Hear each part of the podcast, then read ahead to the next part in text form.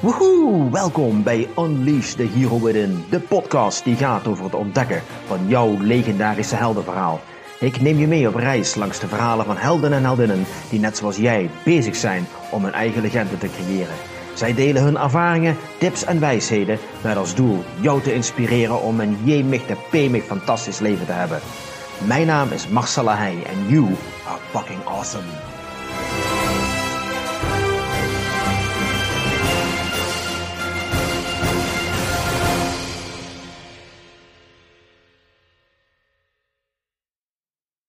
Welkom bij een nieuwe aflevering van Unleash the Hero Within. Ja, ehm, ik ontkom er ook niet aan, corona. Dus eh, ja, het was gewoon een kwestie van tijd dat we wat dieper op de coronataferelen in zouden gaan. En ik ben eens uh, rond gaan kijken van wie kan ik nou eens vragen die er ontzettend veel van af weet. En die dit eigenlijk als een soort ja, roeping ziet. Want er gebeurt natuurlijk ontzettend veel. En ik weet dat een hele hoop mensen het allemaal over zich heen laten komen. En we zijn natuurlijk uh, in diverse kampen waar mensen het verhaal vanuit bekijken. De ene ziet het zo, de andere ziet het zus. En dat is allemaal prima. Maar ja, het is ook nooit verkeerd om eens een keer kritisch te kijken. Want ja, ben eens eerlijk, hoeveel tijd spendeer jij nou aan het echt onderzoeken van alle verhalen die jou worden ge gepresenteerd? Nou, en gelukkig praat ik vandaag met iemand die het daadwerkelijk als haar roeping ziet om zich hier helemaal in vast te bijten. En afgezien van de tijd dat ze doorbrengt met slapen, is ze eigenlijk nog alleen maar met dit bezig. En vandaag praat ik met een hele goede vriendin van mij, Marielle van Heugden. In het normale leven is ze psychologe. Dus dan weet je ook meteen wie je voor je hebt. Um, en zij heeft een paar keer tegen mij verteld: Marcel, alles in mijn leven heeft ertoe geleid naar dit moment. En wat ik nou mag doen, is echt mijn roeping. Ik zie dit echt als mijn levensmissie. Dus uh, fijn dat je hier bent. En dankjewel dat je ja, jouw, je wijsheid en jouw kennis met ons wilt gaan delen over wat er allemaal aan de hand is. Want er is natuurlijk ontzettend veel aan de hand. En heel veel dingen die er aan de hand zijn, weten wij nog niet eens. Want vaak zien we alleen maar wat de overheid ons laat zien. Dus ja, jij bent een van de strijders uh, op de barricade, aan het front. Je hebt inmiddels ervaren hoe het is om gearresteerd te worden. Elke week sta je wel ergens bij een demonstratie of een betoging. Je bent in Berlijn geweest. Uh, hoe is dit zo gekomen? Hoe is het gekomen dat dit jouw roeping is geworden? Ja, dat is een hele goede vraag. Om te beginnen uh, gaat dit, mijns inziens, niet over corona. Ik heb heel sterk vanaf het begin al de indruk dat dit virus gebruikt wordt, misbruikt wordt voor allerlei andere doeleinden. En dat was in eerste instantie uh, vooral heel intuïtief, dat ik meteen voelde van hier klopt iets niet. Ja, en daarna ben ik erin gedoken, uh, ben ik dingen gaan uitzoeken en ben ik op ontzettend veel tegenstrijdigheden gestuurd. Uh, dus dus ja, als je zegt van het gaat over corona, dat is een goede inleiding, want natuurlijk, dit is het virus wat nu uh, rondwaart, zeg maar. En, en, en ook in de media gaat het steeds over corona. Mijns inziens gaat het veel meer over de coronamaatregelen. Ja. En wat die ook aanrichten aan schade. En um, ja, waar ze mijns inziens uh, nou ja, niet voor bedoeld zijn. Ik heb, ik heb echt heel sterk het gevoel dat er iets heel anders aan de hand is. En ik denk ook dat niet iedereen die in de uitvoering zit, daarvan op de hoogte is. Want ja, we, we worden geïnformeerd. En met die informatie moet je het doen. En uh, op het moment dat jij uh, in, een, in een artsenpraktijk werkt, dan, ja, dan krijg je daar de protocollen aangereikt. En, en daar moet je het mee doen. Ik heb ja, sowieso de vrijheid dat ik helemaal op mijn eigen manier kan werken. Dus dat is wel heel fijn. Dus in eerste instantie heb ik persoonlijk niet zo heel veel last van de maatregelen. Er is mij ook heel vaak gevraagd van, goh, waarom doe jij dit allemaal? Want, want ja, jij hebt gewoon je baan en je inkomen en je kan gewoon allemaal dingen doen. Ja, dat klopt. Maar ik zie dingen die niet kloppen. En ik, ik kan daar niet tegen. Ik, ik, mijn grootste waarden zijn waarheid en eerlijkheid en rechtvaardigheid en transparantie en vrijheid en vooral zelfbeschikking. En dat zijn dingen die ik gewoon steeds meer ingeperkt zie worden. Ja, dat, dat eigenlijk de inleiding. En, en hoe het gekomen is dat ik hier mee bezig ben. Ja, ik heb sowieso altijd een soort extra zintuig gehad voor dingen die niet kloppen. Uh, of die, die niet correct zijn of niet eerlijk zijn. Het eerste grote wat ik, mij, wat ik mij kan herinneren, wat mij enorm tegen de borst stuitte, dat was een, eh, een, een campagne in 2013. Uh, en die campagne die was opgezet omdat er steeds meer ouders waren die hun kinderen niet wilden laten vaccineren. En toen hadden ze bedacht om kinderen die gevaccineerd waren een polsbandje te geven waarop stond: Ik ben geen watje. En nou, toen ik dat hoorde, ja, dan, dan krimp ik gewoon van binnen. Dan denk ik, hoe, hoe kun je dit doen over de rug van kinderen? Want dat betekent dus dat kinderen die, eh, wiens ouders ervoor kiezen om hun kind niet te laten vaccineren, dan dus automatisch een watje zijn.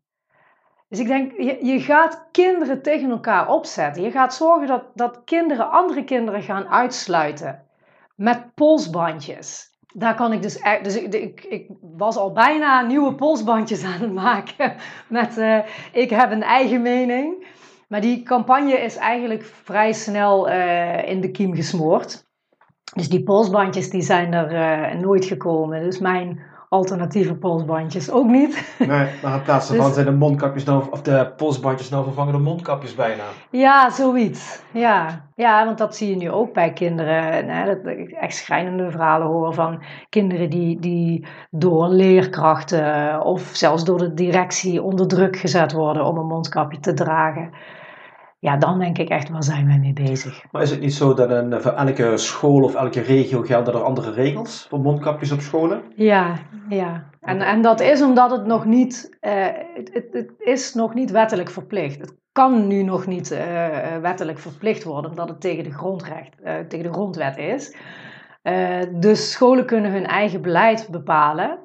En ja, voor zover ik op de hoogte ben, um, is het wel dat bijvoorbeeld uh, uh, dat, dat ondernemers en scholen en dergelijke zelf hun beleid kunnen bepalen. En dus ook iemand mogen weigeren die niet een mondkapje uh, wil. Dus ze kunnen jou niet verplichten om het op te zetten. Maar ze kunnen dan dus wel tegen jou zeggen van dan mag je de winkel niet in. En dan kun je wel het gesprek nog aangaan natuurlijk. Maar ja, ja dus, dus ja, er is heel veel aan de hand op het gebied van, van ja, hoeveel inspraak heb ik nog ja, betreffende mijn eigen lichaam en mijn eigen gezondheid en hoe ik met mijn lichaam omga. Ja, want de spoedwet die, uh, is in principe aangenomen door de Tweede Kamer. En de spoedwet houdt onder andere in het, dragen, verplicht dragen van een mondkapje. Die moet goedgekeurd worden door de Eerste, eerste Kamer. Nou, formaliteit hebben we straks even over gehad. Hoe sta jij daarin? Wat, wat doet dat met jou? Uh, dat zijn twee verschillende vragen, hoe ik dat wel met me doe. Uh, het, overigens, ik weet niet of uh, in de spoedwet automatisch staat dat mondkapjes verplicht worden. Volgens mij moet daar weer een aparte wet voor gemaakt oh, worden. met dat, dat, hele juridische verhaal, daar ben ik niet 100% van op de hoogte. Ehm, ik weet wel dat de, de, de spoedwet uh, is een aantal keren aangepast. Hè, de, de, de lengte van de duur van de spoedwet, uh, uh, de inhoud daarvan, hè, het wel of niet achter de voordeur mogen handhaven. Er zijn een aantal dingen uitgehaald. de, de corona-app, die stond eerst ook in die spoedwet, die werd meegenomen in die spoedwet, die is eruit gehaald. Die is niet van de baan, maar daar komt een aparte wet voor. Dus er zijn allerlei wijzigingen geweest. Uiteindelijk, voor zover ik op de hoogte ben, is die nu door de Tweede Kamer inderdaad aangenomen en moet die wel nog door de Eerste Kamer. Maar het, het lastige van die spoedwet is dat, dat er op ieder moment uh, weer nieuwe regels gemaakt kunnen worden. Uh, en, en dat er dus dan wel allerlei verplichtingen kunnen komen. Uh, zoals weer handhaven achter de voordeur als dat nodig mocht zijn. Ja. En daar zit een beetje de crux. Als dat nodig mocht zijn, nodig op basis waarvan, denk ik dan. Want wat ik heel vreemd vind, is dat eigenlijk alle maatregelen die zijn gebaseerd op testuitslagen van een test die niet bedoeld is als diagnostisch middel. Dus de maker van de PCR-test, die heeft zelf aangegeven dat die test niet bedoeld is voor diagnostiek. Dus die test die kun je gebruiken in combinatie met klinisch onderzoek. En samen met klinisch onderzoek, uh, die informatie bij elkaar, dan kun je dus zeggen van, nou, er is sprake van uh, een, een, uh, een COVID-19 besmetting. Maar het schijnt zo te zijn, en nogmaals, ik ben, ik ben natuurlijk geen medicus en ik, ik ben daar ook niet helemaal thuis, maar ik heb me er wel in verdiept. Um, en het schijnt zo te zijn dat die test zodanig gevoelig is dat die, dat die sowieso niet alleen COVID-19 uh, meet, dat hij ook geen um, actief virus meet. Dus, dus als hij wat meet, dan weet je nog niet of het virus actief is of dat je het gehad hebt. Uh, er is uh, sprake van een groot aantal false positives, dus dat je een positieve uitslag krijgt terwijl je eigenlijk niks hebt. Een test heeft sowieso een foutmarge. Als je kijkt naar, uh, dat is misschien wel een leuke vergelijking, als je kijkt naar een zwangerschapstest, die heeft ook een foutmarge. Dus laat je mannen een zwangerschapstest doen, dan, uh, dan komen daar ook positieve tests uit naar voren. Nou, we weten allemaal dat mannen niet zwanger kunnen worden. Althans, zo zijn wij uh, ja. geïnstrueerd. Wie weet, misschien kan het wel op een of andere Maar goed, dus, dus, dus dan zou je ook kunnen zeggen, ja, maar dat kan helemaal niet. Maar op basis van die uitslagen, die, die, waar, waar dus eigenlijk nog heel veel onduidelijkheid over is... en waarvan de maker van de test ook zegt van, ja, het is niet bedoeld als diagnostiek. Daar is het eigenlijk te, te karig voor. Er moet echt meer uh, informatie zijn. En toch op basis van die uitslagen, daar, wordt eigenlijk het hele beleid op, uh, op gebaseerd. En, ook, en, en, en het mag ook niet onderzocht worden. Want het is vaak gevraagd van, nou, kan er, kan er onderzoek gedaan worden naar die PCR-test, naar hoe betrouwbaar die is en, en of het wel zinvol is om deze test hiervoor te gebruiken. Maar dat is, op een of andere manier is dat allemaal niet mogelijk. Ja, en ook de, de anderhalve meter maatregel. Ja, ik, ik heb in ieder geval nog niets gezien qua, qua wetenschappelijk onderzoek waar die maatregel op is gebaseerd. En in het ene land is het 1 meter en in het andere land is het 2 meter en hier is het dan anderhalve meter. En als je kijkt naar de, de, de theorie van Maurice de Hond, die ik heel erg plausibel vind, is dat het een airborne virus is, wat door de lucht gaat.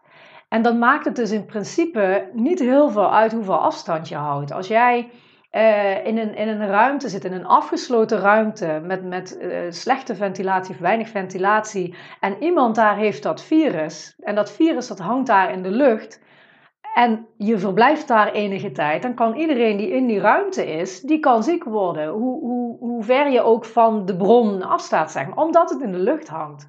Dus ja, dan zou je dus nog beter in de buitenlucht bij iemand om de nek eh, kunnen hangen of op schoot kunnen zitten, dan in een uh, afgesloten, hele grote ruimte uh, zijn met iemand die daadwerkelijk besmet is en op 8 meter afstand staan. Oké, ja goed, daarvoor zie je ook mensen buiten geen mondkapje dragen. Alhoewel, er lopen ook mensen rond buiten met een ja, mondkapje. Ja, steeds meer. Er zijn ook mensen, ik zie ze in de auto alleen zitten met een mondkapje ja. ook.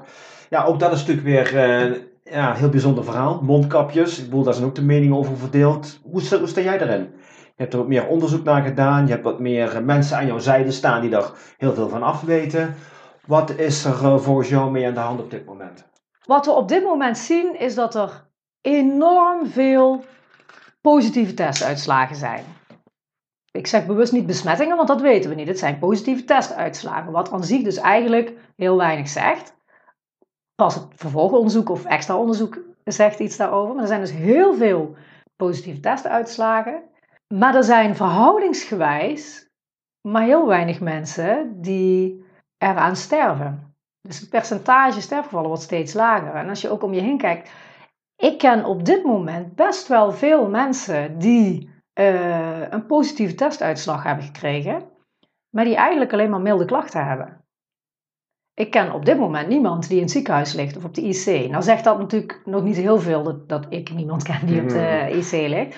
Maar als je echt om je heen kijkt en niet naar de tv kijkt, in mijn geval zie, zie ik niks dramatisch. Behalve dat iedereen met een mondkapje loopt.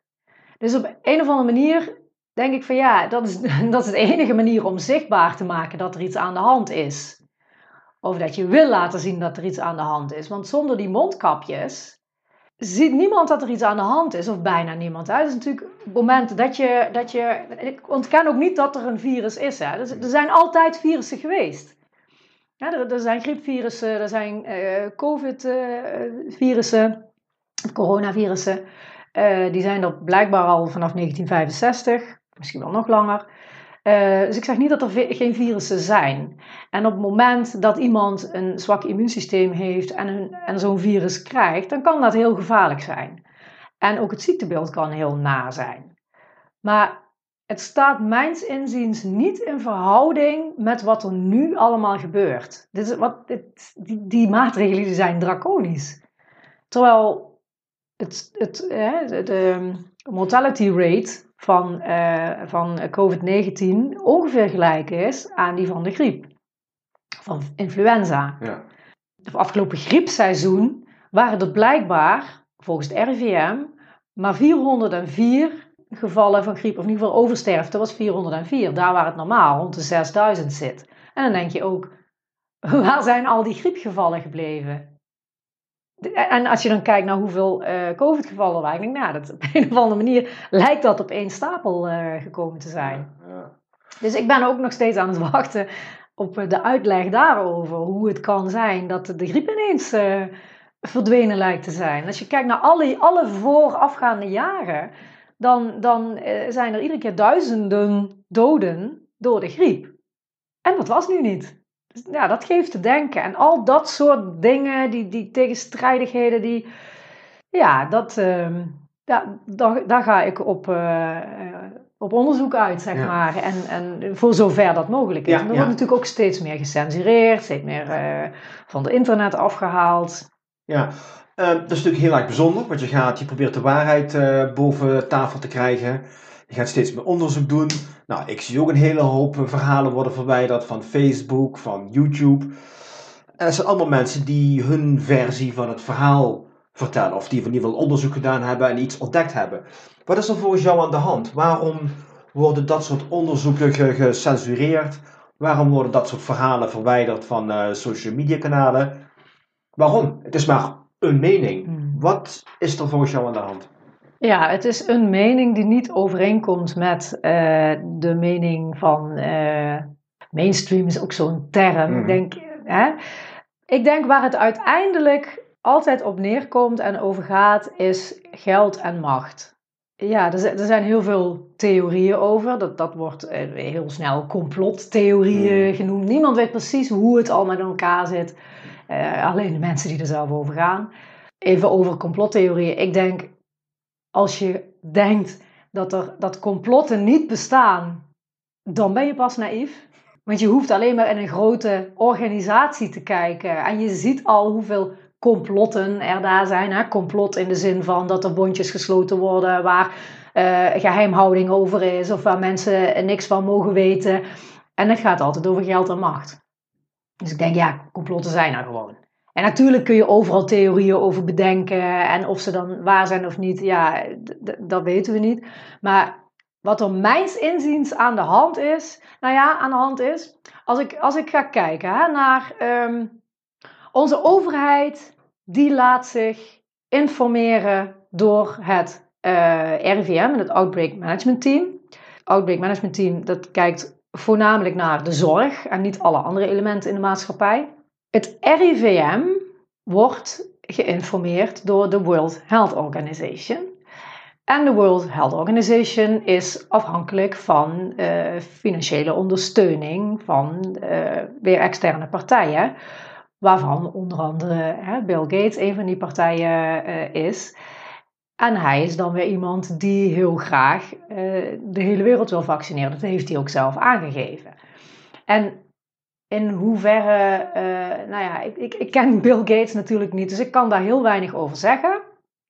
Ik denk dan alleen, hoe kan het dat een computerdeskundige inspraak krijgt, of nou, nou niet eens inspraak, maar eigenlijk heel veel te zeggen heeft over wat er in de wereld gebeurt. Dat vind ik heel raar. En hè, er zijn mensen die geloven dat hij een filantroop is. Nogmaals, ik ken hem niet. Ik weet het niet. En misschien bedoelt hij het ook wel allemaal heel erg goed. Maar dan denk ik, ja, filantropie uh, is iets anders dan biljarden dollars verdienen aan het farmaceutische gebeuren, zeg maar. Dus wat ik ook gewoon de afgelopen jaren heel veel heb zien gebeuren, is dat, dat de focus heel erg ligt op farmaceutische middelen, pijnstillers, symptoombestrijding. Alles wat te maken heeft met natuurlijke gezondheid en natuurlijke middelen wordt uh, niet vergoed. Uh, mag niet, er mag niks over verteld worden, zeg maar. Wat, je mag dus niet zeggen waar een natuurlijk middel goed voor is, want ja, die claim die mag jij niet, niet beweren. Dus er, er gebeurt heel veel waarvan ik denk, ja, dit, dit klopt gewoon niet. Dit klopt gewoon niet. En het gaat steeds over geld en macht. Toevallig van de week nog ergens iets gelezen over hoe, hoeveel schadeclaims er in Amerika zijn over, uh, uh, met betrekking tot painkillers. dat mensen onnodig veel pijnstillers krijgen, daar hartstikke afhankelijk van worden, allerlei side effects krijgen, uh, daardoor ook suïcide plegen. En, en dat soort dingen wordt vaak uh, nou, afgedaan met een settlement en dan wordt er niemand vervolgd. En als je kijkt naar, naar vaccinaties, je, krijgt er geen gebruiksaanwijzing bij. Uh, er is geen vervolging mogelijk bij uh, nadelige effecten. Ik, het is allemaal zo intransparant en, en tegenstrijdig en zo ver van de natuur van de mens. Daar heb ik moeite mee. En dan weet ik niet meer welke vraag je net stelde. ik weet het ook niet meer. maar goed, ja. Dit is, het, dit zou, is het zou natuurlijk kunnen. Ik bedoel, de oudste reden ter wereld is waarschijnlijk geld. Mm en daar vloeit vaak uh, macht uit voort. Ja, het zou zomaar kunnen zijn dat er een, eh, een, een, een virus is ontwikkeld, zeg maar, zodat de hele wereldbevolking kans krijgt om ernstig ziek te worden. Ja, dat is ook een theorie inderdaad. Dat, theorie. dat het, dat het een man-made virus is. Man-made virus is inderdaad. En dat Bill Gates daar de grote redder is. Iedereen gaat voorzien van een vaccin en daar nog rijker mee wordt dan die al is. Want volgens mij is hij al de rijkste man ter wereld. Dus dat is wel interessant om te zien van waarom wil de rijkste man ter wereld nog rijker worden. Nou ja, dan, dan, dan heb, je, dan heb je het over macht. Dat denk ik ook. Ja. Dan gaat het over macht. Maar goed, wat daar dan aan de hand is, daar zijn ook heel veel theorieën over. Ja. Ja, en dat is, nou goed, daar kun je natuurlijk helemaal op losgaan. Ja, daarom, weet je, ik, ik kijk vooral, ik ben, natuurlijk lees ik ook daarover, verdiep ik mij daarin, ik verdiep mij overal in alles wat er voorbij komt, vooral tegenstrijdigheden. Maar waar ik mij het meest mee bezig hou, is wat er in het hier en nu gebeurt aan tegenstrijdigheden. En als ik het gevoel heb van, hé, hey, wacht even, dit klopt niet, of dit is echt niet oké, dan, dan ga ik daar iets mee doen. En dat gaat meestal dan niet over Bill Gates. Want dat is. Hè, te ver verwijderd. Ja, maar ik, ik, hè, ik, ik lees daar wel over en maar ik kan daar geen uitspraken over doen. Maar wat er, wat er dan hier gebeurt, ja, dat vind ik dan weer allemaal heel apart. Dat, dat, een voorbeeld, hè, dat, dat Grapperhaus, uh, degene die. Uh, uh, nou ja, het voorbeeld moet zijn in de maatregelen, dan op zijn eigen bruiloft zich niet aan de maatregelen houdt. En dan kun je zeggen menselijke fout, ja.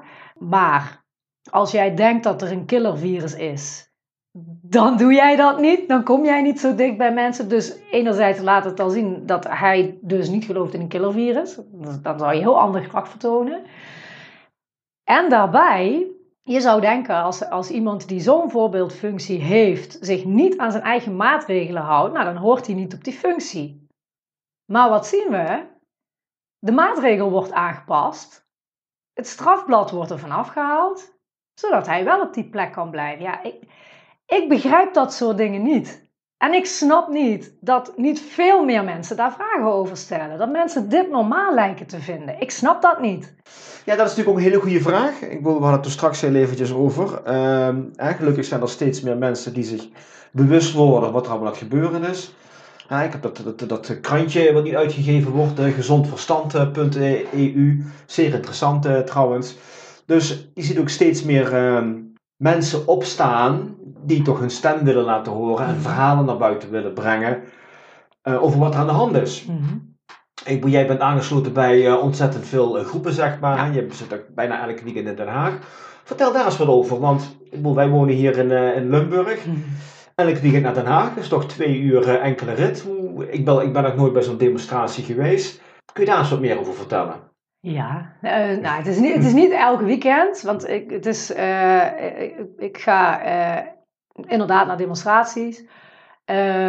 maar ook op de achtergrond doe ik heel veel. Hè? Ook heel actief bezig met, met brieven maken, dingen uitzoeken, overlegmomenten met, met actiegroepen, ideeën opzetten voor, voor activiteiten.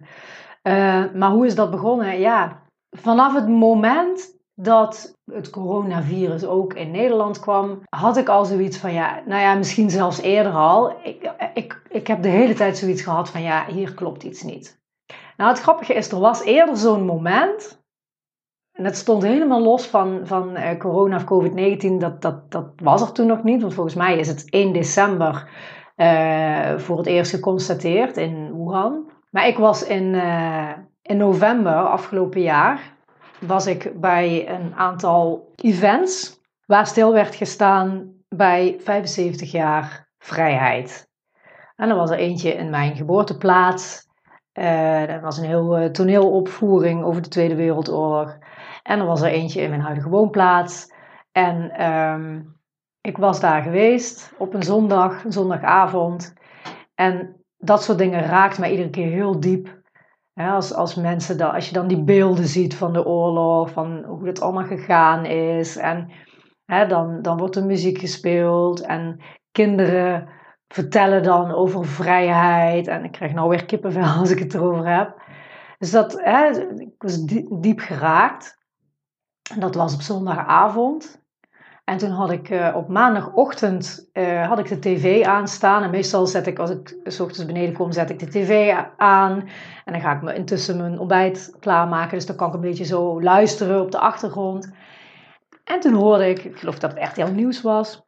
Toen hoorde ik ze uh, zeggen van nou, dat, dat er een idee was om mensen die in de zorg werken, die de griepprik hebben gehad, om die een button te laten dragen. Nou, en als ik zoiets hoor, dan vlieg ik echt tegen het plafond. En helemaal als ik net na zo'n event ben geweest over 75 jaar vrijheid. En dus ja, het schoot ook meteen door me heen. Ja, wat, wat, wat is dit nou weer?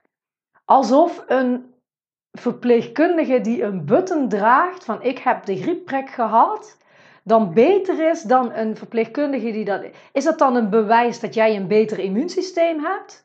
Of misschien juist niet. Zegt het iets over jouw kwaliteiten?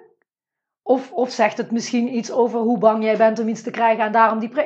Ik, het zegt helemaal niks. Maar het is wel zo'n dingetje dat ik denk van ja, wat, wat, moeten we allemaal op ons lijf gaan plakken om iets te bewijzen naar de ander toe? voor welke ziektes moeten we straks allerlei rondjes of sterren of buttons of bandjes of wat dan ook gaan dragen?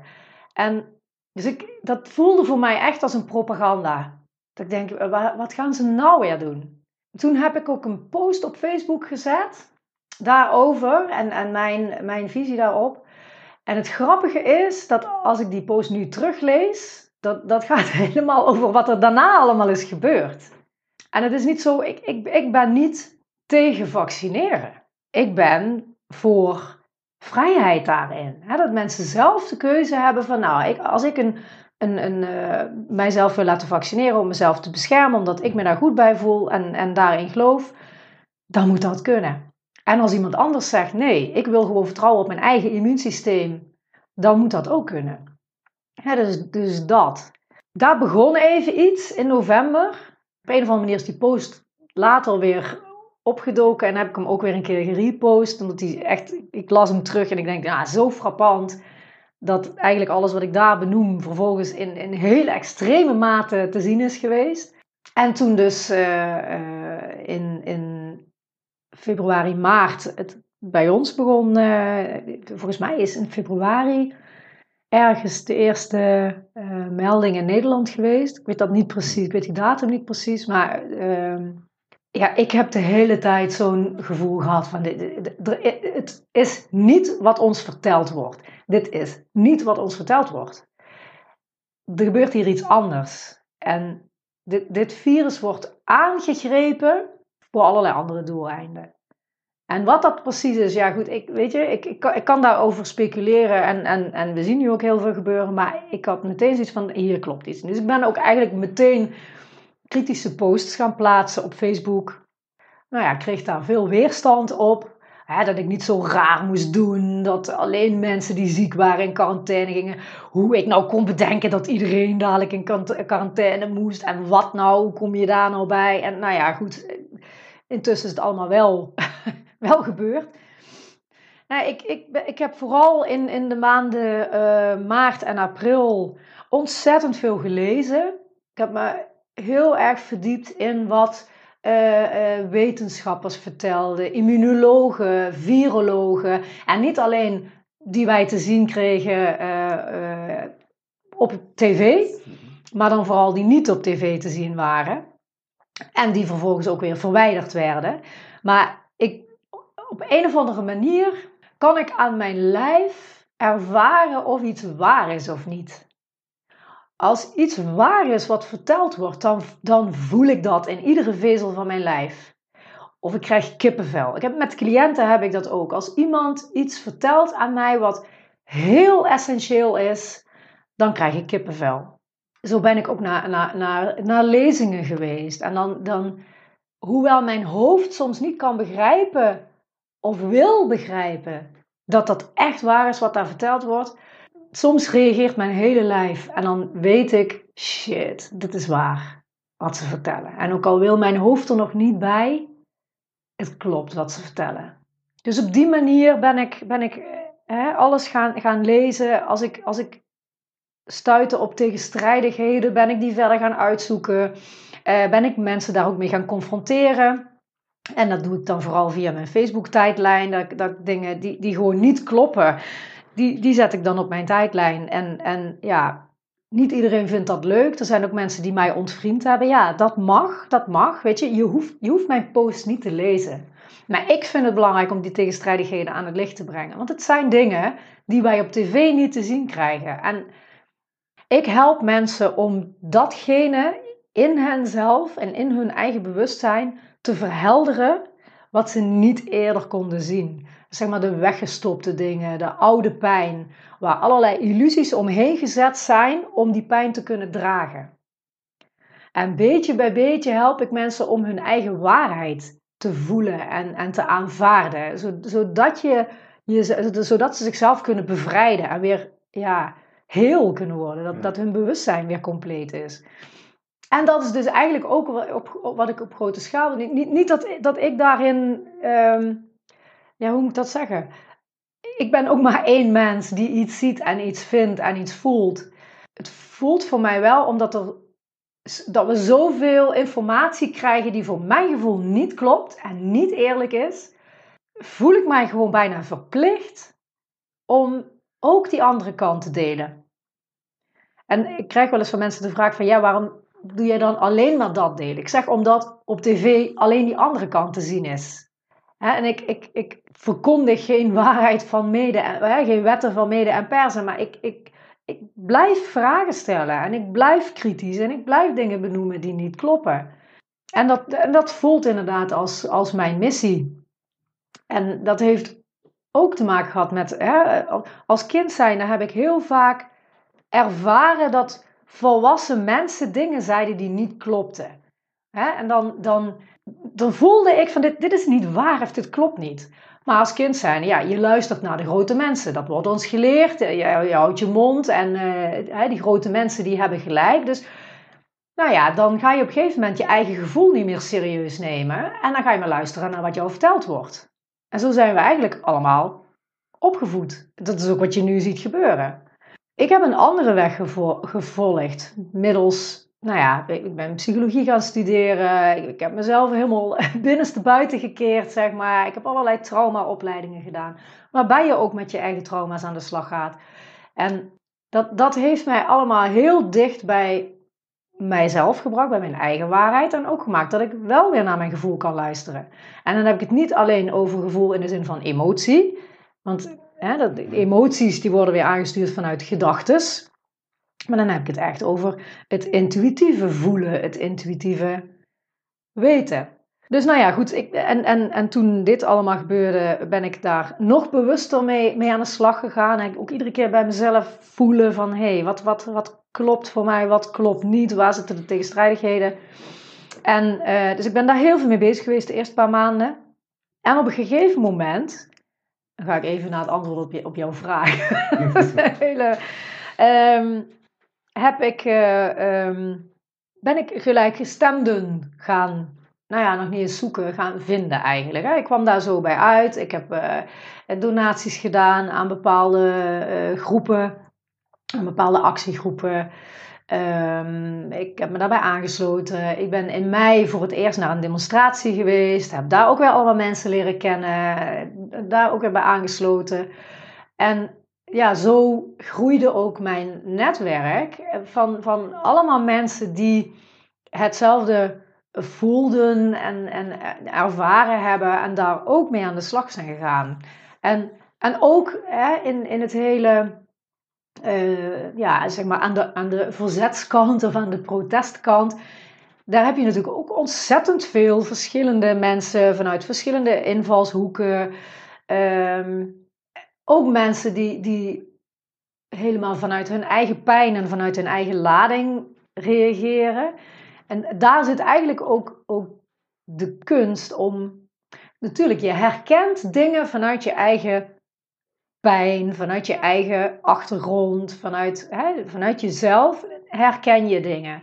En dan is het eigenlijk de grootste kunst om het ook in perspectief te kunnen plaatsen. Dat je herkent van oké, dit herken ik omdat daar voor mij een, een, kwetsbaar punt zit, of dat ik dat herken. Maar om dan niet die hele lading daarvan mee te nemen, maar dat je echt gaat kijken, oké, wat, wat, wat herken ik daarvan dan in het hier en nu? En wat kan ik daar in het hier en nu mee? En, en dat, dat is echt een hele grote klus, hè? om daar helder en, en, en zo neutraal mogelijk in te blijven. Oké, gebruik te maken van, dat, van die herkenning ik herken heel snel wanneer vrijheden worden ingeperkt. Ik herken heel snel wanneer er iets uh, onrechtvaardig is of wanneer er niet de waarheid wordt verteld. En dan is het de kunst om niet, niet te gaan ageren, zeg maar. Niet, niet vanuit emotie en boosheid te gaan reageren, reageren maar echt te gaan kijken van oké, en wat is hier nou echt aan de hand? En wat kan ik hier nu mee? Wat, wat, wat zijn mijn mogelijkheden nu? En dat is voor mij dan dus hè, eh, dingen uitzoeken, uh, brieven schrijven, me aansluiten bij gelijkgestemden, samen iets neerzetten, verbinden vooral. Dus dat, uh, nou ja, daar ben ik de afgelopen maanden mee bezig geweest. Ja, ja. Je zo'n tijdje geleden werd je gearresteerd. Ja. ja. ja. Hoe, hoe, was, hoe was dat? Want waarom werd je gearresteerd? Uh, we zien vaak wel de beelden op het nieuws ja, is maar de vraag hoe die in beeld worden gebracht natuurlijk. Ja. Uh, want ja, je hebt vredevolle demonstraties en we kennen ook allemaal de beelden van uh, de oproepkraaiers, zeg maar, die er echt een bende van maken. Ehm, hoe, hoe, heb jij dat ervaren? Wat was de aanleiding geweest? Waarom zijn jullie destijds gearresteerd geworden? Nou, even over die beelden inderdaad. Wat wij te zien krijgen bij de NOS, dat is een heel klein fragment. Ik heb zelf ervaren dat, dat, dat daarmee iets heel anders neer wordt gezet dan wat er werkelijk gebeurt. Een, een voorbeeld daarvan, en ik zal zo meteen inderdaad ingaan op dat stukje met die arrestatie. Ik was bij de, bij de demonstratie van 21 juni, de verboden demonstratie, die was van, toen heette het nog Virus Waanzin. Uh, die hadden het eigenlijk georganiseerd. Die demonstratie is uh, verboden. Ik ben toen even goed naar Den Haag gegaan, juist om ook te protesteren tegen dat verbod. Want ja, ik denk dat, dat dat vind ik ook onrecht. Als je mensen verbiedt om een demonstratie te doen in de buitenlucht. Dus ik ben toch naar Den Haag gegaan en ik was niet alleen. Er waren echt duizenden mensen op dat Malieveld. En het was, ja, het was een super vreedzaam en ja, vredige bijeenkomst. Het, ik, gewoon, ja, ik ben niet bij Woodstock geweest, want dat was, uh, toen was ik uh, min 4, zeg maar. dat was in 69. Maar, dus het was een hele fijne sfeer. En dan lees je op de telefoon een of ander bericht van, ja, ik weet niet of het van AD of Telegraaf, dat weet ik even niet. En dan staat daar, er heerst een grimmige sfeer op het Malieveld. En ik dacht, hè? En dan lees je dat en dan kijk je om je heen. Nou, dat was voor mij cognitieve dissonantie. dat ik denk, hoe dan? Hier wordt iets genoemd. Ik, dat ervaar ik helemaal niet. En zelfs toen die zogenaamde, uh, wat Rutte zei, dogs of hooligans het, het, veld opkwamen. Dat was op het moment, ik was toen aan, ik was aan het filmen, dus ik weet dat moment nog precies. Wij waren, uh, we stonden toen nog met een paar honderd mensen. En uh, dat was om 18 over 1, 13 uur 18, dat weet ik van mijn filmpje. Toen kwam er ineens een hele grote groep het veld op. Allemaal zwarte kleding. Die hadden uh, van die uh, rook, ik weet niet wat het was, rookbommetjes of fakkels. En die kwamen gewoon in één streep zo het veld opgelopen. En dat, dat was even intimiderend. Dat ik dacht, wow, wat gebeurt hier? Maar wat er dus gebeurde, zij kwamen het veld op en daarmee opende zich het veld, want er stonden blijkbaar nog duizenden mensen buiten het Malieveld die niet het veld op mochten. Op het moment dat die, achteraf bleken dat inderdaad voetbalsupporters te zijn van meerdere clubs die zich bij elkaar hadden aangesloten om samen naar de demonstratie te komen. Dus op het moment dat die het veld opkwamen, sloot iedereen die daar buiten stond, sloot zich daarbij aan. En ik gewoon in no time, binnen, binnen twee, drie minuten, stond het hele Malieveld vol met mensen. En daarna was het, er werd gezongen, er werd gedanst. Het was dus met die mensen, die, die voetbalsupporters erbij op het veld, was het gewoon een super goede, fijne, verbindende sfeer. En dan lees je dat bericht. Er is een grimmige sfeer. Nou ja, later is dat natuurlijk uit de hand gelopen. Ik ben daar niet bij geweest.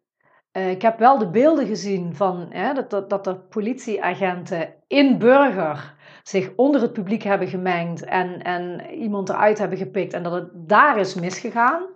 Ik weet natuurlijk niet wat de intentie is geweest van die agenten en burgers, noemen dat Romeo's. Ik weet niet wat hun intentie is geweest, maar het is in ieder geval ja, compleet gebackfired, zeg maar. Uh, nou, nou, ja, nou ja, dan kun je je ook nog afvragen. Ligt er natuurlijk ook aan wat de intentie was, of het wel of niet gebackfired is. Maar, uh, en, en daar ontstond wel een grimmige sfeer. Maar dat bericht over die grimmige sfeer, dat was veel eerder. Dat was toen we daar stonden te dansen en te zingen. Hmm. Dus, dus, en, en toen dacht ik al, hé, hey, wacht even. Dus, dan, dan merk je zelf hoe dingen in het nieuws gebracht worden en hoe ver dat van de werkelijkheid afstaat. En dat heb ik nog een paar keer meegemaakt. Ik, ik ben een keer geïnterviewd toen ik, de week daarna was ik ook weer bij het Malieveld, was ook weer een verboden En toen werd ik uh, samen met een vriendin van mij geïnterviewd. Uh, en daar hebben ze toen één zin uitgehaald van drie seconden, die eigenlijk totaal niet ging over waarom we daar waren. Ik was al heel blij dat ze niet geknipt en geplakt hadden en er iets heel anders van hadden gemaakt. Want dat had ik van tevoren wel aangegeven van ja, wat gaan jullie hiervan uitzenden dan? Want mm. ik, ja, ik voelde dat ik daar heel voorzichtig in wilde zijn. Van, ja, wil ik hier wel aan meewerken? Aan de andere kant ben ik heel erg voor openheid en transparantie. En wil ik juist vertellen waarom ik daar ben en wat ik daar kom doen. Dus ik heb uiteindelijk besloten om het wel te vertellen. Maar dan wordt er één zinnetje uitgehaald wat totaal niet de lading dekt. En dan denk ik, ja, oké, ja, ja jullie hebben niet geknipt en geplakt, fijn. Maar ja, dit zegt ook niks. dus, hmm. nou ja, dus, dus, en, en dan merk je iedere keer weer dat, dat wat we te zien krijgen op tv, dat dat, dat, dat slechts een fractie is en dan ook nog eens anders geïnterpreteerd wordt. Maar dat is wel wat mensen te zien krijgen. Maar ja, dus, dus we worden daardoor ook steeds meer neergezet als uh, agressief en, en noem maar. En dan denk ik, ja, weet je, kom er zelfs bij staan. Ga eens ervaren hoe dat is. De, dan, dan merk je dat het heel anders is. Nou ja, goed. Dus, dus ook daarin ervaar ik dan onrecht en oneerlijkheid. Um, dus ik, nou ja, ik ben naar diverse demonstraties uh, geweest. Overal in het land. Ook inderdaad naar Berlijn. Dat was een fantastische ervaring. Dat zo mooi, zo verbindend. In, in de hoofdstad van de vrijheid, hè, waar de muur is gevallen jaren geleden Dus dat is heel bijzonder. En ook daarvan worden dan dingen in het nieuws gebracht. Ik denk, ja, de demonstratie is verboden, is afgelast. Ik denk? We waren daar en we kregen bericht binnen dat de demonstratie was stopgezet. En later hoorde ik dat er ergens een, een, een, een oproer was geweest en dat die was beëindigd. En dan, wordt er het nieuws gebracht dat de demonstratie is beëindigd. Nee, die was niet beëindigd. Die, die is doorgegaan tot, tot s'nachts 12 uur zelfs. Toen waren er nog mensen. En dan inderdaad uh, richting het moment van de arrestatie. Ik had niet, nou ja, hoe moet ik dat zeggen? Misschien naïef om te zeggen, ik had niet verwacht dat ik uh, gearresteerd zou worden. Ik ben eerder een keer ingesloten geweest en we werden toen weer vrijgelaten. Ik had wel verwacht dat ik al lang een keer een boete gekregen zou hebben. Dat is, uh, even afkloppen, nog niet gebeurd. Maar de, die avond van die, van die, die arrestatie, daar, is, is wat aan vooraf gegaan. Ik had meegekregen dat er drie avonden. Er was een oproep geweest om drie avonden op rij naar Den Haag te komen. Uh, en dan vooral in het kader van betogen uh, tegen de spoedwet. Uitgaande van het idee, nou ja, op het moment dat die spoedwet erdoor is, dan is het gedaan met de democratie. Het was bedoeld om op te staan voor de democratie. Dus toen dacht ik, nou, ik, daar, wil ik in ieder geval wel één avond naartoe weer. Al die demonstraties waren natuurlijk gericht op het voorkomen van de spoedwet en het staan voor democratie en vrijheid en rechtvaardigheid en transparantie en menselijkheid en zelfbeschikking, et cetera. Maar nu was het echt op de vooravond van uh, het moment dat de spoedwet ook daadwerkelijk uh, nou ja, definitief behandeld zou worden. Dus, um, en de oproep was van uh, Mordechai Crispijn van uh, Viruswaarheid en van Frank Ruzink van Voor Vrijheid.nu. En Frank volg ik al, uh, of al, er zijn mensen die hem al jaren volgen, want hij houdt zich al jaren bezig met vaccinatieschade. Ik volg hem vanaf april eigenlijk, toen hij zich ook met dit gebeuren wat nu speelt bezig ging houden.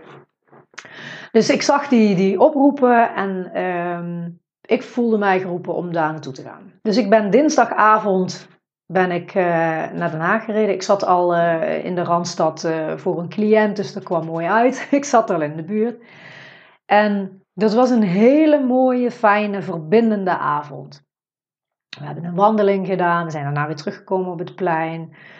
Het was heel fijn, het was heel verbindend. Um, we zijn daarna nog even op het terras gaan zitten, ook bewust door elkaar te steunen, nog even een drankje doen. En dat voelde voor mij goed, kloppend. Ik voelde niet de impuls om de overige twee avonden ook nog te gaan. Dus ik dacht, nou mooi, ik heb weer bijdrage geleverd in het stukje verbinding en opstaan voor de democratie. En toen was het woensdagavond en toen hoorde en zag ik wat daar speelde, wat daar gebeurde. Ik heb beelden gezien. Er is een, een, ware razzia geweest daar op het plein. Van mensen die, die gewoon van het terras werden geplukt door de, door de politie. En een vriendin van mij die op het plein zat te mediteren. Met theelichtjes om zich heen, met kaarsjes om zich heen. Die kaarsjes zijn aan de kant geschopt en zij is opgepakt. Uh, jurist Jeroen Pols, die uh, is opgepakt omdat hij een andere arrestatie aan het filmen was. En, maar vooral de manier waarop het, het machtsvertoon, het, de vijandigheid waarmee dat gebeurde, dat heeft mij zo diep geraakt dat ik dacht, ja, hier wil ik tegenop staan. Dit is wat, wat ik niet wil zien in, in, in, in, in mijn land, in het land waar ik woon. Dus, en het, het was logistiek nog wat geregeld, want ik zat, uh, ik zat die, die dag ook in, uh, in de, de Randstad. ik moest even kijken waar ik dan kon verblijven. En er waren een paar vrienden van mij die, uh, die wilden daar ook naartoe gaan. Dus daar ben ik naartoe gegaan. Daar heb ik mijn werk nog afgerond. Ik had mijn laptop meegenomen, dus ik kon dat allemaal mooi afronden. En toen ben ik dus s'avonds met hun um, meegegaan naar Den Haag. We waren met z'n vijven. We waren met veel meer. Wij waren met z'n vijven daar naartoe gegaan. En daar troffen we ook weer andere bekenden. Want ja, intussen, je, komt mensen steeds opnieuw tegen. En je kent intussen heel veel mensen. En eigenlijk vrij snel werden we ingesloten door de politie. We stonden toen met een paar honderd mensen. We werden vrij snel ingesloten. En uh, toen werd er op een gegeven moment ook omgeroepen dat we ons van het plein moesten verwijderen. omdat er anders gehandhaafd zou worden. En de mensen met wie ik daar was, die hadden zoiets van, ja, wij willen niet ingesloten worden, dus wij gaan op het terras zitten. Snap ik ook. Iedereen maakt zijn eigen keuze daarin. Ik heb daar ook totaal geen oordeel over. Dat moet echt iedereen voor zichzelf besluiten. Maar ik voelde heel duidelijk bij mezelf: ik ben hier niet gekomen om op het terras te gaan zitten. Ik ben hier gekomen om te gaan staan voor onze vrijheden en voor onze democratie. En dat doe ik niet als ik nu wegloop. Het voelde echt alsof als ik van dat plein af zou lopen, dat ik mezelf volledig zou verloochenen. En dat kan ik niet en dat wil ik niet. Voor mij was die keuze heel snel gemaakt. Dus ik heb tegen mijn vrienden gezegd van ik blijf. En uh, ja, natuurlijk schiet er dan van alles door je hoofd, van alle gevolgen die dat kan hebben. Maar dat gevoel was zo sterk dat ik, dat, ja, ik kon daar niet omheen. Ik, moest blijven. Ik, ik gebruik het woord moeten normaal nooit, maar dit, ik kon niet anders zonder mezelf te verloochenen. Dus, um, en toen zijn we gaan zitten. ook als symbool van wij zijn, uh, wij zijn vredevol. Um, wij, hè, we, komen hier in vrede, dus we gaan op de grond zitten. En uh, we werden steeds verder ingesloten, de politie kwam steeds dichterbij. En het was heel dubbel. Want aan de ene kant is dat spannend en intimiderend. En ja, je weet niet wat er precies gaat gebeuren. Um, op een gegeven moment werd de groep jullie zijn aangehouden. Toen begon iemand uit, we zaten met, met een groep van 80 mensen uiteindelijk, uh, zijn we gaan zitten. En de politie stond om ons heen in een kring. En toen begon iemand uit onze groep, die begon te roepen, sluit je aan naar de politie. En dat was wat in Berlijn ook geroepen werd naar de politie. Schließt euch an, schließt euch an. zo van, ja, doe maar dan eens mee. Um, dus iemand uit onze groep van die 80 mensen die daar op de grond zaten, die, uh, die begon dat te roepen. En ineens hoorde ik het helemaal om me heen echoen. En toen realiseerde ik mij pas, ik krijg weer kippenvel als ik erover heb. Toen realiseerde ik mij pas hoeveel mensen er nog stonden om dat plein heen om ons te supporten. En dat was, ja, dat was ook echt kippenvel. En, en we zaten ook echt met tranen in onze ogen daar. En mensen die ons toeriepen, die met hartjes in de lucht aan het zwaaien waren. En uh, er was iemand met, met muziek gekomen, dus er werd, werd allemaal liefdevolle muziek gedraaid. En we waren mee aan het zingen. En, dus het was, het was heel bijzonder. Het was intimiderend en heel liefdevol tegelijk. Nou ja, we werden één voor één uh, werden we opgehaald door iedere keer twee politieagenten. Er was trouwens ook nog een keer, dat was ook een heel mooi moment, dat ehm, er stond dus een, een politiecordon om ons heen, in een kring. En op een gegeven moment gingen omstanders een kring daar omheen maken. Dat was ook echt, ja, toen kreeg ik ook tranen in mijn ogen. Dat was zo'n fantastisch moment. Het werd natuurlijk heel snel weer opengebroken door de politie.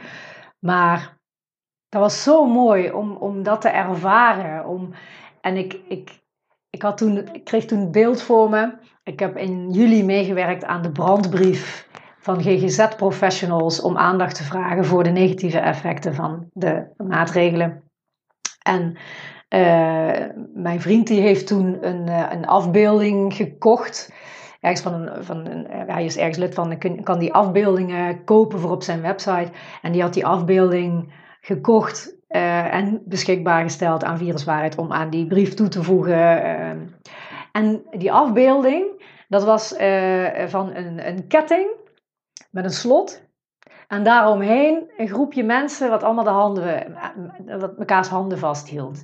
En dat beeld, dat, dat schoot weer door mijn hoofd toen ik daar zag gebeuren dat de, het politiecordon eigenlijk werd omringd door liefdevolle mensen die mekaars hand vasthielden. Dat was, dat was echt heel mooi. Dus het was, het was een ontzettend bijzondere avond. Ik had het niet anders kunnen en niet anders willen doen. Ja, het, is, het, was, het was een ongelooflijke avond. En iedereen die werd opgepakt en werd afgevoerd. De omstanders begonnen te juichen en te klappen. En bijna een bizarre ervaring. Ja, en dan, uh, dan word je meegenomen. En uh, nou ja, ik mocht alles inleveren. En uh, ik werd in een arrestantenbus uh, gezet en naar het politiebureau in Den Haag gebracht. Vanuit zo'n arrestantenbus kun je niet zien waar je bent. Je kunt heel vaag door de ramen kijken, maar ze zijn op een of andere manier geblindeerd. Blauw geblindeerd, dus je, je ziet alleen straatlantaarns en zo, dat kun je zien, maar verder zie je heel weinig. je moet vooral niet claustrofobisch zijn, uh, want dan word je helemaal gek in zo'n uh, in zo'n hokje. Uh, er zit ook geen gordel, dus je vliegt van voor naar achter in, dat, in, dat hokje. Dan word je, nou, ik kan alleen vertellen over mijn eigen verhaal. Toen werd ik in Den Haag um, afgezet. Toen werden we daar in een touringcar gezet. Er waren touringcars en er waren arrestantenbussen. Ik, ik, was dus in eerste instantie in een arrestantenbusje, kwam daarna bij de rest weer in een, uh, in een touringcar. Uh, zat Mori ook, Mordechai. En, uh, en, nog een paar mensen die ik kende. Nou ja, op een gegeven moment werden we één voor één naar binnen gehaald. Werden we voorgeleid voor de HOV. En toen mocht ik één telefoontje plegen. Voordat ik mijn telefoon definitief moest inleveren. En ehm, nou ja, ik, ik had mijn vriend al, toen we ingesloten werden, had ik al een berichtje gestuurd van nou, we worden nu ingesloten. En wellicht kom ik morgen pas thuis. Uh, dus ik had dat telefoontje heb ik gebruikt om mijn vriendin te bellen. Uh, dus met wie ik daar was en bij wie ik de auto had staan. Hmm.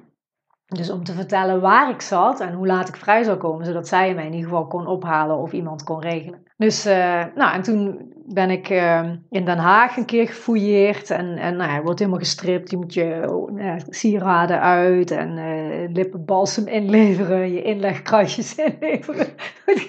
Echt alles in je riem, alles. En, nou ja, en toen werd ik naar Amsterdam gebracht. Ik ben ondergebracht in uh, cellencomplex Amsterdam Zuidoost. En daar duurde het dan weer even opnieuw gefouilleerd. Um, en toen werd ik in een grote ruimte uh, gezet, een arrestantenruimte.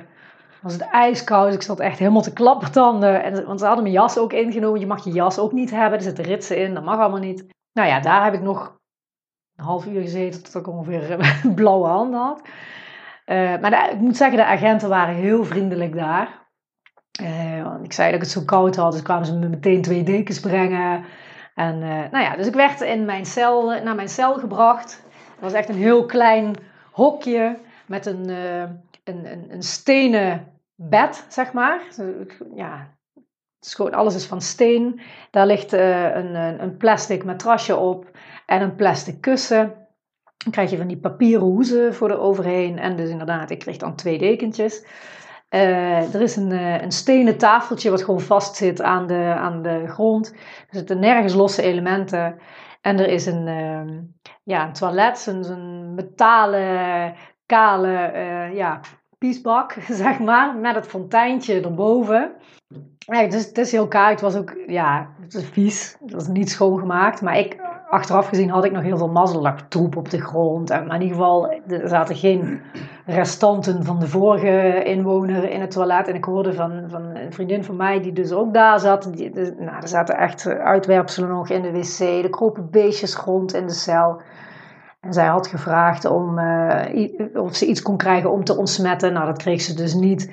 Dus er zijn ook wel heel verschillende ervaringen van, uh, van mensen daar ik moet zeggen, ze hebben mij prima behandeld. En op het moment dat je eh, honger hebt of je hebt wc-papier nodig, want je krijgt geen wc-rol, je moet bellen als je wc-papier nodig hebt. Dus dan druk je op een knopje, dat is eigenlijk een soort van roomservice, zeg maar.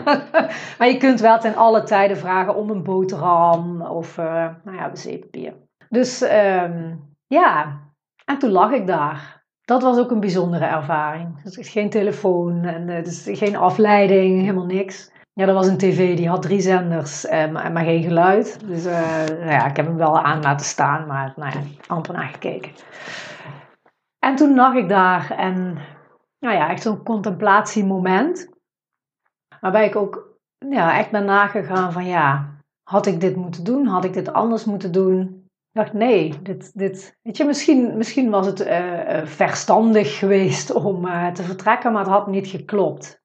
Nou was ik voorbij gegaan aan het punt dat ik al maanden wil maken en, mijn eigen missie. En ik voelde ook heel duidelijk, alles, alle consequenties die dit nu nog kan hebben, Want, en dat weet ik dus niet. Ik weet niet wat ik nu, uh, of ik, of ik een straf krijg. Er is mij verteld dat, ik, uh, dat het een geldboete kan zijn, dat het een uh, taakstraf kan zijn, of, of zelfs een celstraf kan, kan worden. Ehm, ik kan een, een strafblad krijgen. Dat, dat weet ik allemaal niet. Dat konden ze mij ook niet vertellen. Maar ik, ik merkte bij mezelf, naar welke consequenties dit ook heeft. Het klopt wat ik gedaan heb. Want die consequenties, dat is allemaal vorm. Een strafblad, een geldboete, het is allemaal vorm. En wat ik gedaan heb, dat ging om essentie. Dus het klopte gewoon. En zelfs en dat is eigenlijk het bizarre. Op dat moment was mijn vrijheid ontnomen, terwijl ik daar stond voor vrijheid. Maar het was mijn keuze om te blijven. En die klopte. En ik denk ook mensen zeggen ook tegen mij van ja, wat heeft het nou opgeleverd? Heb je in de cel gezeten? Nou, dan heb je wat. Ik denk dat het heel veel heeft opgeleverd. In die zin, ik heb de gezichten gezien van de politieagenten die ons moesten insluiten. Als ik kijk naar die 80 mensen met wie we daar zaten, er zat een bejaard echtpaar bij. Dat, deftige madame met een mooie jurk en lippenstift, eh, mannen in pak. Dat zijn gewoon nette burgers. Als jij als politieagent nette burgers moet gaan oppakken, dat doet iets met je. Dat is niet waarvoor jij die eet hebt afgelegd. Je wil, je wil criminelen oppakken. Je wil, eh, ik, ik zag de blikken. Ik zag, ik zag de, de verwarring. Ik, dus en, en dat, ik denk dat dat het belangrijke is dat dit ook effect heeft. Dat zij ook gaan nadenken van... hé, hey, wat zijn wij en nou, wat zijn wij hier nou eigenlijk aan het doen? En zij hebben een ontzettend lastige positie. Want ik weet dat er heel veel politieagenten hetzelfde denken als ik. Als wij, zeg maar, aan de verzetskant, om het maar even heel zwart-wit te benoemen. Maar zij, vanuit hun functie, moeten zij de regels naleven en handhaven. Dus die komen in een enorm innerlijk conflict. Ik heb, naast mij werd er iemand verhoord en ik hoorde die agenten die aan het verhoren was, die hoorde ik zeggen van ja, ik heb ook mijn mening, maar die ga ik nu niet delen. Er zijn mensen geweest die uh, aangesproken zijn door agenten, een van ons 80 zeg maar, die aangesproken zijn door agenten van ga vooral zo door en wij staan achter jullie, maar wij mogen niks zeggen toen er iemand naar buiten kwam uit die cel, uit het cellencomplex. En er begonnen mensen te juichen en te klappen en, en te roepen: Jullie zijn helden. Stonden de politieagenten ja te knikken. Dus ook binnen de politie. En natuurlijk, het zijn ook mensen. En ik heb zelf bij de politie gewerkt. En ik heb zelf ervaren, en dan met kleine dingen nog, hoe lastig het is om te handhaven. Ik, ik had er al moeite mee om iemand te bekeuren omdat het licht van zijn auto het niet deed dat ik dacht, ja, nou, moet ik mensen hier nou gaan bekeuren, terwijl dit mijzelf ook kan overkomen. En dit doe je niet expres. En je hebt niet altijd een lampje bij de hand. Je kunt ook niet, misschien kun je het zelf ook niet vervangen. En dan moet ik mensen daarvoor gaan beboeten. Als ik eronderuit kon komen om te beboeten, dan, dan ging ik dus niet beboeten. Dan gaf ik zo een waarschuwing. Maar dus ik, ik kan me heel goed voorstellen hoe lastig het is voor agenten in deze tijd. Zeker als je ook dezelfde ideeën hebt en, en dezelfde visie hebt, dat is zo verrekte lastig. En ik denk dat die avond en het feit dat ze ons moesten oppakken en insluiten en opsluiten, dat dat ook heel veel intern heeft gedaan. En ik denk dat dat heel belangrijk is. Ja, ik, ik, ik hoop ook echt dat er binnen de politie ook ruimte is voor die visie van. En dat, dat, want ik denk als dat niet is, dan krijgen we straks een hele lading aan uh, politieagenten die thuis zitten met een burn-out. Dat kan niet anders. Over straks gesproken, hoe zie jij de toekomst? Ja, dat is lastig. Dat zal er heel erg van afhangen hoe dit allemaal gaat lopen nu. Ik heb daar geen idee over. Ik heb, ik heb hoop en vertrouwen dat als wij in verbinding blijven, in waarheid blijven, in liefde blijven, dat er dan een transformatie komt. Want, want dit, dit, treft alle lagen. De, de, de, de mentale laag, de emotionele laag en de spirituele laag. Dus ik heb hoop en vertrouwen. Anders zou ik dit allemaal niet hoeven doen. Maar ik denk ook dat het eerst erger wordt. En dat is wat ik nu ook zie gebeuren. Hè? Dat, dat actiegroepen betiteld kunnen worden als terroristisch.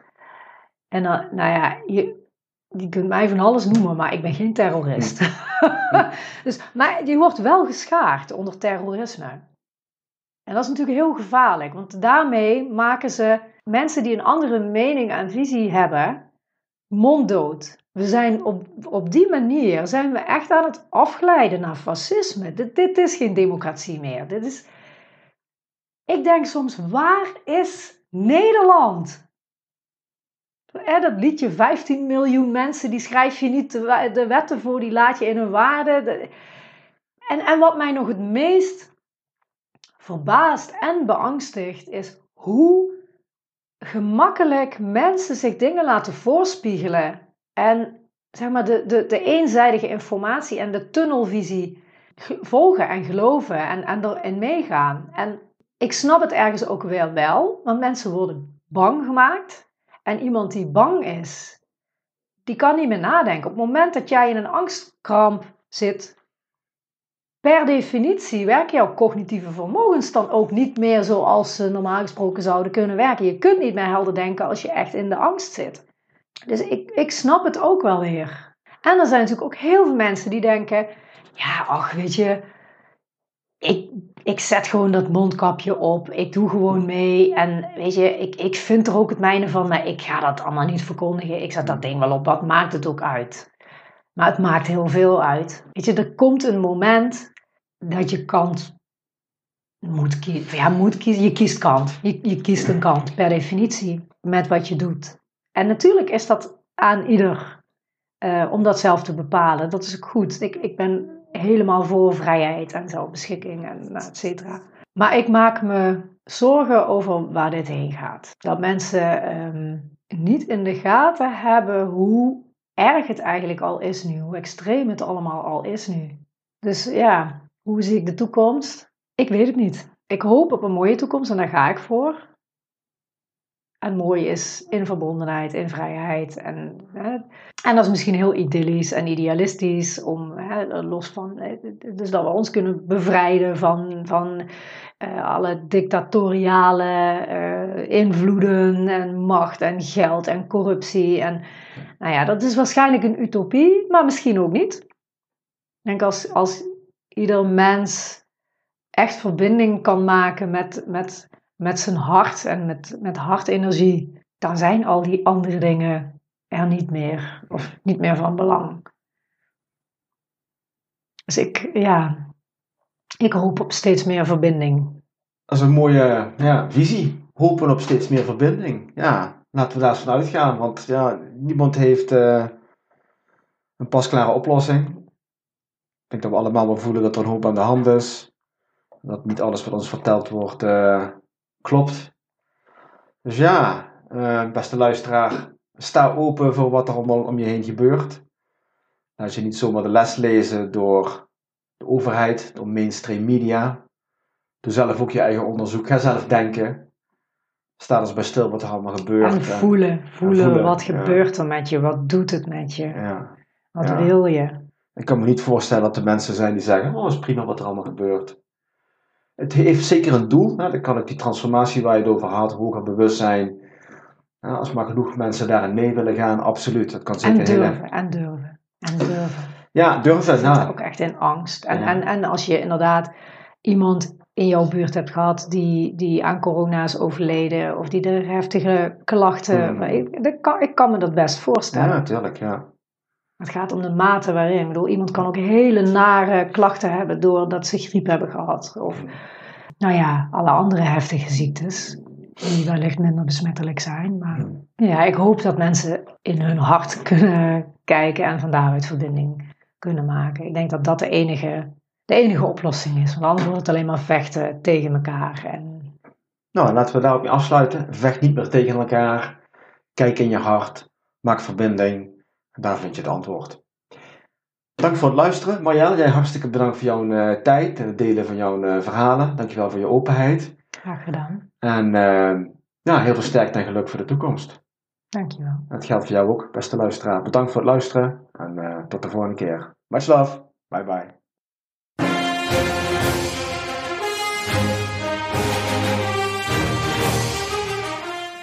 Ik hoop dat je net zoals mij weer hebt genoten van de mooie verhalen van mijn gast en er hopelijk iets aan hebt gehad.